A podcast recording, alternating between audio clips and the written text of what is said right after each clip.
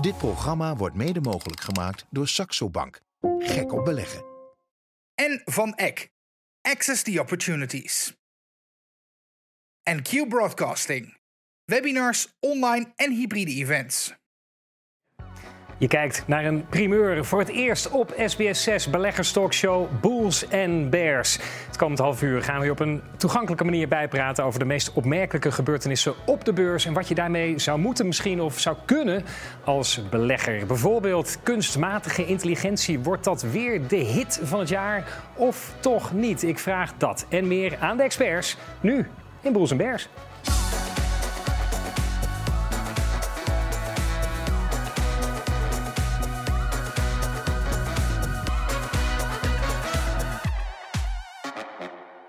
Ja, leuk dat je kijkt naar Beleggers Talkshow Bulls en Bears. Vijfde seizoen alweer, maar de eerste keer op SBS 6. Uh, met wel vertrouwde gezichten, die ik ook welkom mag heten op de zender. Uh, Martijn Rozemuller onder andere, CEO Europa bij Fondshuis Van Eck. Beursveteraan, geldt ik ook voor Bas Heijink, technisch analist van het ING Investment Office. Tegenover hem zat geboren op de beursvloer Pim Bertens, professioneel beurshandelaar. En last but not least Hans Oudshoorn, auteur van het boek Beleggen voor Dummies en Beleggers trainer bij Saxo. Heren, welkom. Fijn dat jullie er zijn. Beste wensen nog. We komen uit het jaar 2023. Uh, Martijn, ja, het beleggersjaar 2023 in drie zinnen. Wat, hoe zou je het samenvatten? Never a dull moment. Uh, heel bewegelijk jaar weer, maar gelukkig met een uh, happy ending. Ja, happy ending. We waren van tevoren helemaal niet zo vol vertrouwen. Maar ja, AI en de Magnificent Seven hebben de kar getrokken. Daarover later meer. Um, maar ja, buiten dat geweld van kunstmatige intelligentie, wat is jou opgevallen? Nou, met name was 2023 toch wel het jaar waarin uh, ja, crypto een uh, soort comeback maakte. Het had natuurlijk een beetje in het verdomhoekje gezeten. We hebben het uh, vorige seizoenen er vaak over gehad. Ja, ik was al best ook wel een beetje positief. Het zat denk ik ook in mijn laatste voorbeeldportefeuille. Zeker. Maar ja, een enorme comeback.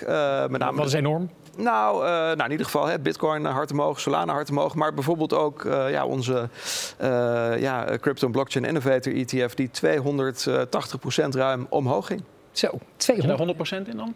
Nou ja, ik zat er helaas niet 100% in. Uh, en, en ik heb zoals ik altijd doe in de herberging ook een klein stukje afgebouwd. Omdat hij zo hard opliep. Ja. Maar ja, ik zat er gelukkig wel in. En ik blijf er ook in. Want dit zou ook nog... Ik bedoel, het zijn geen garanties voor de toekomst. Maar ik denk dat die crypto-markt de komende jaren wel interessant blijft. Oké, okay, gaan we zo. Vooruitblikken gaan we zo doen. Maar 283% is, nou ja, ik, ik, zou wensen dat ik het had gemaakt. Zeker niet. Hans, uh, is dat ook iets wat jou dan is opgevallen? Of heb jij uh, absoluut opgevallen. Maar jij gebruikt het woord comeback. Maar we kunnen ook wel zeggen comeback van de obligaties. Want het is natuurlijk een heel zwaar anderhalf jaar geweest eigenlijk. En als je dan kijkt naar de laatste 1, 2 maanden van 2023, happy ending, zie je dat de obligatiekoersen ook weer wat aan het herstellen zijn geweest. En dat heeft te maken met de ontwikkeling van de rente. Ja, want die, die rente, dat hebben we allemaal kunnen lezen, hard gestegen. Ja, en die is juist weer een klein beetje onder druk komen te staan, de korte rente. En uh, ja, daarmee zie je dat het obligatieland wat ontspannen is. Dat was in oktober wel nog even billen knijpen ja, de obligatiehouders. Ja, hè? Het was, ja, uh, ja. En het heeft inderdaad de laatste anderhalve maand uh, Ja. was feest. Lichtpuntje voor 24. Nou, maar goed, het is ook goed, hè, want obligaties zijn iets voor de voorzichtige belegger. Ik hoor jou dus zeggen, nou, dat is een beetje tot rust gekomen. Dat lijkt me dan goed nieuws. Geeft dat dan ook, want jullie doen ook onderzoek hè, naar het sentiment, het vertrouwen onder de Saxo-beleggers. Hoe ziet dat eruit? Nou, dat is eigenlijk wel leuk als je eventjes terugkijkt. Hè, aan het begin van 2023 richting het einde van 2023. Nou, dan zie je een gestage lijn. December eigenlijk een hele goede uitsmijter hè, qua sentiment. We zien natuurlijk ook nog in het voorjaar even die dip Silicon Valley Bank. Maar het jaar qua sentiment is goed geëindigd. Nou, nu zijn we natuurlijk wel met de AIX een beetje twijfelend gestart dit jaar. Dus ik ben benieuwd hoe het zich gaat ontwikkelen. Maar het beeld van de AIX zie je ook wel terug in het sentiment. Ja. Klinkt allemaal als goed nieuws. Pim, was het inderdaad alleen maar goed nieuws in 2023? Nee, wat mij opviel was China. Uh, iedereen had ook best wel veel verwacht van de post-corona-opening. Het zou de wereldeconomie op vlot gaan trekken. Nou, Ja. als je, ik heb hier een grafiek meegenomen. Uh, de Nasdaq ten opzichte van de Hang Seng, de Chinese beurs. Nou, dat is een redelijke krokodillenbek geworden. je had beter in de Nasdaq kunnen gaan zitten dan in, in de Hang Seng. Nasdaq blauwe lijn, dan had je lekker Ja. omhoog gegaan. En eh, China was uh, ja, en dat is niet iets uh, wat ik echt verwacht had, nee. Nee, nou, dan ben je niet de enige. Want een jaar geleden zaten we hier en vroegen we ons af... Joh, Europa, VS of China, wat gaat het worden? En dit zeiden toen de experts. Ik zou toch zeggen China. Ja, ik ook China. Ja, ik vind het heel saai om te zeggen, maar ik zou ook voor China kiezen. Nee, ook China. Ja, Ik heb hier geen actieve herinnering aan. Jij, Bas? Nee, eerlijk gezegd. Nee, ik ook niet. nee, wil ik wel even zeggen... AI. mocht, je, mocht je dat wel news. hebben, dit kan natuurlijk niet meer op SBS6. Nee. jongens. Vanaf nu alleen nog maar correcte eh, voorspellingen. Eh, maar ja, Bas, eh, kijk je dit terug? Is het pijnlijk? Eh, nou, niet pijnlijk. want Het was natuurlijk op het moment eh, hoe, hoe de stand van de grafiek op dat moment was. En als je dan kijkt, we hadden natuurlijk net die hele grote eh bearmarkt afgebroken. Dus er leek een nieuwe boelmarkt aan te komen. En hij is nooit verder gekomen dan die vorige top. Eh, zo rond die 8000 punten. En daar is hij op afgeketst en is een nieuwe dalende trend eh, gestart. Ja, en daar zijn we een heel eind in ontwikkeling. Dus er lijkt mij niet heel veel ruimte meer, want die zit aan de onderkant eh, richting de 5000 punten. Maar wil je echt positiever worden, ja, vanuit technische analyse moet je dan de dalende trend breken. En die ligt rond de 6300. Ja, dus naar technische analyse niet een roos. Niet, die zeg je niet, China is nu wel ineens interessant geworden. Het blijft pessimistisch. Hoe kijk jij daar naar, Hans? Fundamenteel? Want jij... Ik, ik laat China voor wat het is, al is het maar vanwege het politieke risico. Ja, ik denk vooral het geopolitieke risico. Dat is op dit moment wat iedereen aan de zijlijn houdt. Mocht dat uit de weg gaan, dan is er wel wat herstel mogelijk. Ondanks dat de technische grafiek dat misschien niet laat zien. Dat houden we in de gaten, ook voor de kijker. Maar wat dan wel, eh, Martijn? Als je kijkt naar 2024 en verder, is dan iets waarvan je zegt van nou, kijk daar eens naar als belegger. Ja, nou ja, goed. Ik, ik ben altijd eh, hè, wel van het wat verder vooruitkijken. Ik, ik vind het altijd moeilijk om op hele korte termijn iets te voorspellen. Maar ik denk als je, als je wat verder kijkt, hè, lange termijn trends. Hè, we hebben natuurlijk eh, nou, we hebben het over artificial intelligence gehad, over crypto. Een andere interessante lange termijn trend is denk ik ruimtevaart, space. Hè, daar zijn we natuurlijk al decennia lang mee bezig en het klinkt allemaal heel spannend. Maar we komen langzamerhand echt op het punt dat we er praktisch iets mee gaan kunnen.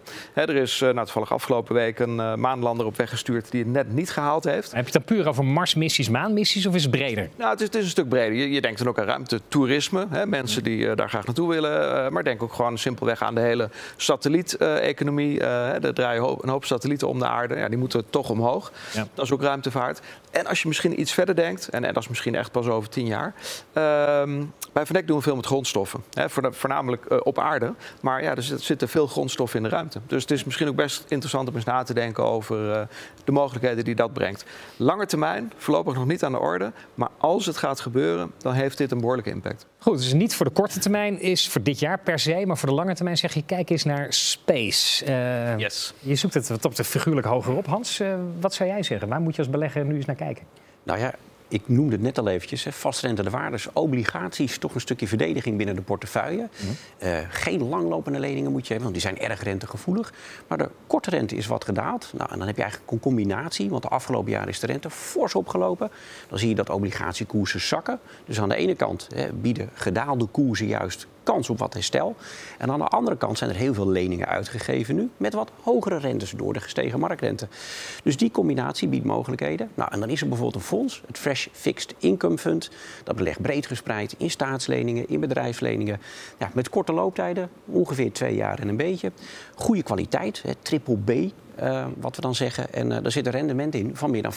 En dat lijkt me een robuuste verdediger voor je portefeuille voor dit jaar. Ja, verdedigen, want het is nou definitief. Ja. De spaces klinkt sexy in lange ja, termijn. En jij zegt niet voor de lange termijn. Ja, ja. maar jij bent behoudend korte termijn. Is dat ook, uh, want jullie doen ook onderzoek onder jullie beleggers naar wat verwacht je van het komend jaar? Wat verwachten de Saxo-beleggers van het komende beursjaar? Nou, dan schuiven natuurlijk wel een linie naar voren hè, richting de aandelen. En dan hebben we het over de AX-index. Nou, daar hebben we gekeken ook. En wat zeiden die beleggers? dit onderzoek hebben we gedaan eind 2023. toen stond de AX ongeveer 790 punten. Merendeel van de beleggers zei, nou, deze stand zien we ook wel volgend jaar. Of toch wat hoger. Hè? Dat zijn die hoge pieken die je ziet, uh, 800 tot 825. Nou, nog wat uitschieten zelfs verder naar boven. Maar je ziet ook zeg maar, een blauwe diagram. En dat is eigenlijk het gemiddelde.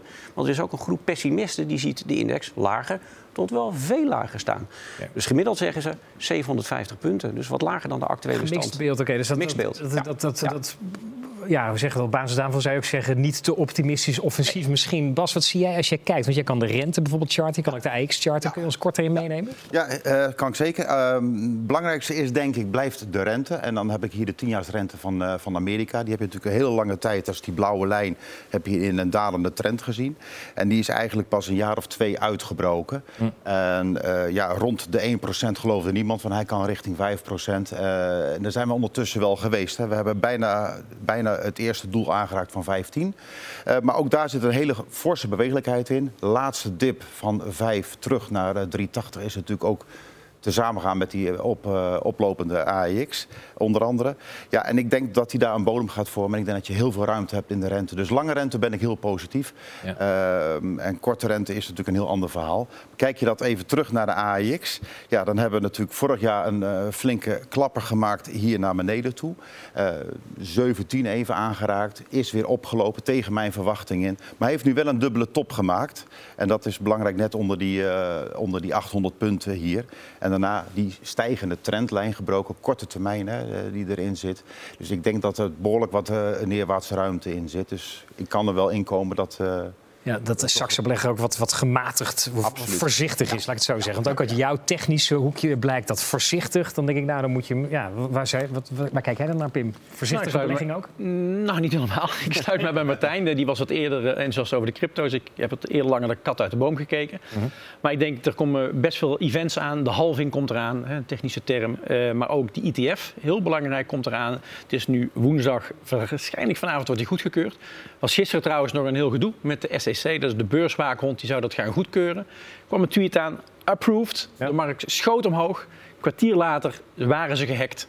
Erg leuk. En dan is er altijd wel weer een tweet te vinden van de SSC. Die zeggen dan uiteindelijk van... als je betrouwbare informatie wil hebben... dan moet je eigenlijk alleen bij de SSC kijken. Nou, die waren gisteren even niet betrouwbaar. Het was chaos gisteren. Die mythe is wat dat betreft ja. Maar iedereen zit er dus wel op te wachten. Die ja. Bitcoin ETF. Hè? Zeker. Er gaat een heleboel institutioneel geld staat aan de zeilen... dat er dan op een makkelijke manier in kan. Moet wel zeggen, als ik nou zou moeten kiezen, ik zou de bitcoin even laten wat die is. Ethereum, dat is een, uh, de, de, tweede grootste munt, enorm achtergebleven. En de volgende uh, ETF die er waarschijnlijk gaat komen, is de Ethereum ETF. Okay. En die, daar hoor je nog niemand over, dus daar ben je denk ik nog op tijd. Ondanks dat je bijvoorbeeld wel, want er wordt op vooruit gelopen, ook door die grote institutionele partijen. Bijvoorbeeld door deze commercial.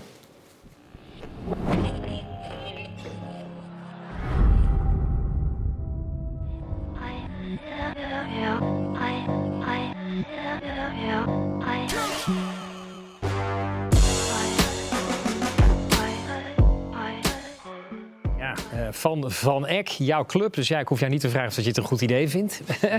maar waarom, waarom, waarom is die ETF nou zo belangrijk? Nou, laat ik beginnen met te zeggen dat deze ETF echt voor de Amerikaanse markt is. Meestal lopen de Amerikanen ver voor op Europa. In dit geval loopt Europa voor op Amerika. Wij hebben in Europa al een aantal Van Eck-producten op Bitcoin, maar gelukkig ook op Ethereum. In Amerika is dit wel nieuw, omdat de toezichthouder daar nog niet nou ja, zijn toestemming geeft. Ook al leek het gisteravond even gaan gebeuren. Uh, toezichthouder in Europa is wat, wat makkelijker. Het belang zit hem in het feit dat Amerikaanse institutionele beleggers op dit moment niet in bitcoin kunnen, willen, mogen beleggen om, om een aantal redenen. Op het moment dat je zo'n bitcoin in een gereguleerd product als een ETF verpakt, wordt dat een heel stuk makkelijker. En de verwachting is dus ook dat er behoorlijk wat instroom komt. En dat maakt de asset class een stuk uh, volwassener. Tegelijkertijd nog steeds qua in je portefeuille paar procent, denk ik, hè, max. Ja, als ik kijk naar hè, hoe, hoe, wij daarover praten, nou ja, 3 tot 5 procent is een beetje uh, wat je zou kunnen doen. En ja, dan is het nog steeds wel goed om je te realiseren dat het bewegelijk is en waarschijnlijk ook zal blijven. Juist. Dus uh, niet te ver op de muziek vooruitlopen geldt ook voor deze twee iconen. Hola. There. Happy birthday! Ja, nu vieren ze nog feest, maar zijn ze straks ook nog jarig? Disney heb ik het dan over als AI toeslaat. Daar gaan we het straks over hebben, na de break.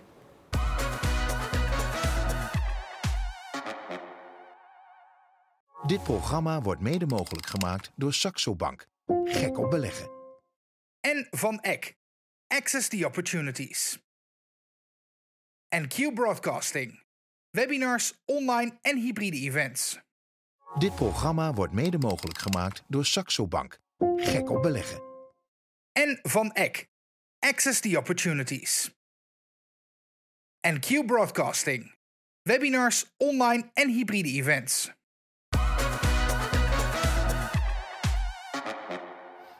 Ja, welkom terug bij Beleggers Talkshow Bulls en Bears. Voor het eerst te zien op SBS 6 deze week met Martijn Rozenmuller, CEO Europa bij Fondshuis Van Eck. Bas Heink, technisch analist bij het ING Investment Office. Pim Bertens, professioneel beurshandelaar. En Hans Oudhoorn, beleggerstrainer bij Saxo. Heren, yes, voor de break zag je Mickey Mouse. Uh, ja, je kunt je afvragen hoeveel toekomst zit daar nog in... als je ziet wat er onlangs bijvoorbeeld uitkwam. In a universe where dreams take flight... one ordinary astronaut will embark on an extraordinary journey to discover the magic beyond our world. Get ready to take off. four, three, two, one. Liftoff. Wow. Stellar Dreams, coming soon to a galaxy near you. That's right. AI generated films are now a reality. And the best part is that you can create them entirely for free. Ja, het zou eens de reclame voor de, van XP-CTF had het kunnen zijn. Gratis en voor niks gemaakt met AI. En dat is natuurlijk het ding. AI was het thema van 2023. Als je ziet wat daarmee kan, Hans. Uh, daar wordt voor gevreesd ook. De disruptie, het, het omvergooien van bestaande bedrijven. Bijvoorbeeld misschien wel een Disney als je dit zo ziet. Hoe, ja, hoe kijken jullie daar tegenaan? Nou ja, je vat het eigenlijk al goed samen. Het is een bedreiging misschien voor bepaalde beroepsgroepen. Maar aan de andere kant biedt het ook heel veel mogelijkheden. Ook voor beleggers. Want het wordt bijvoorbeeld ook gebruikt in de medische wereld. Stellen van diagnoses. Dus heel veel kansen ook. Ja.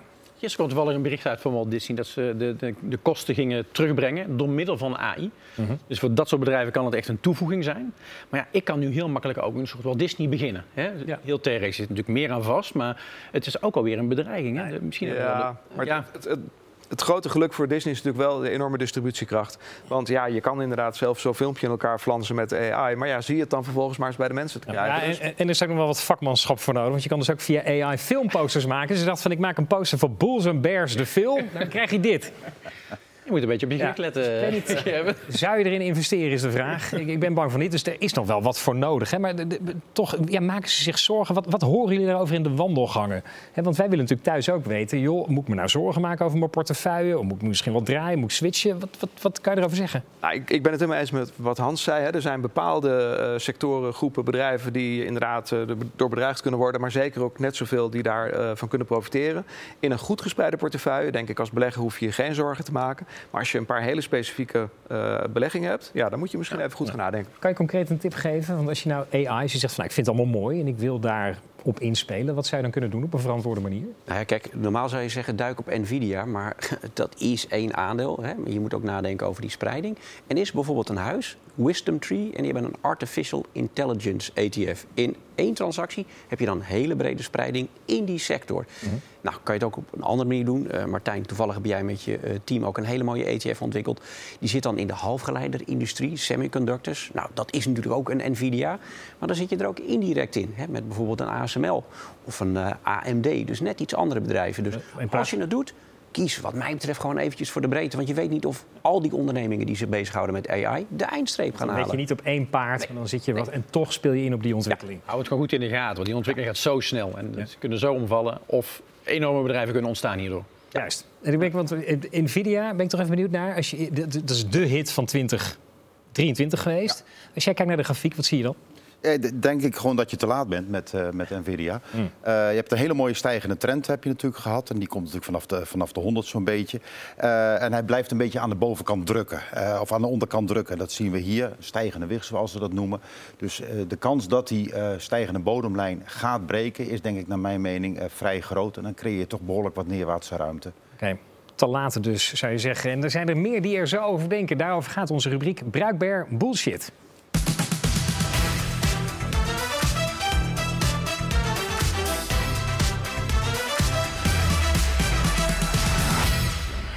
Natuurlijk heel veel gezegd over beleggen. Elke week pakken we een uitspraak van een opiniemaker eruit en vragen we ons af: moet je hier nou wat mee als argeloze belegger? Of kan je het beter terzijde leggen? Bruikbaar of bullshit? Deze week een tweet van JDB Trading. Gedroomde studiogast, maar ja, hij wil niet. Dus dan trekken we hem op deze manier gewoon lekker de uitzending in.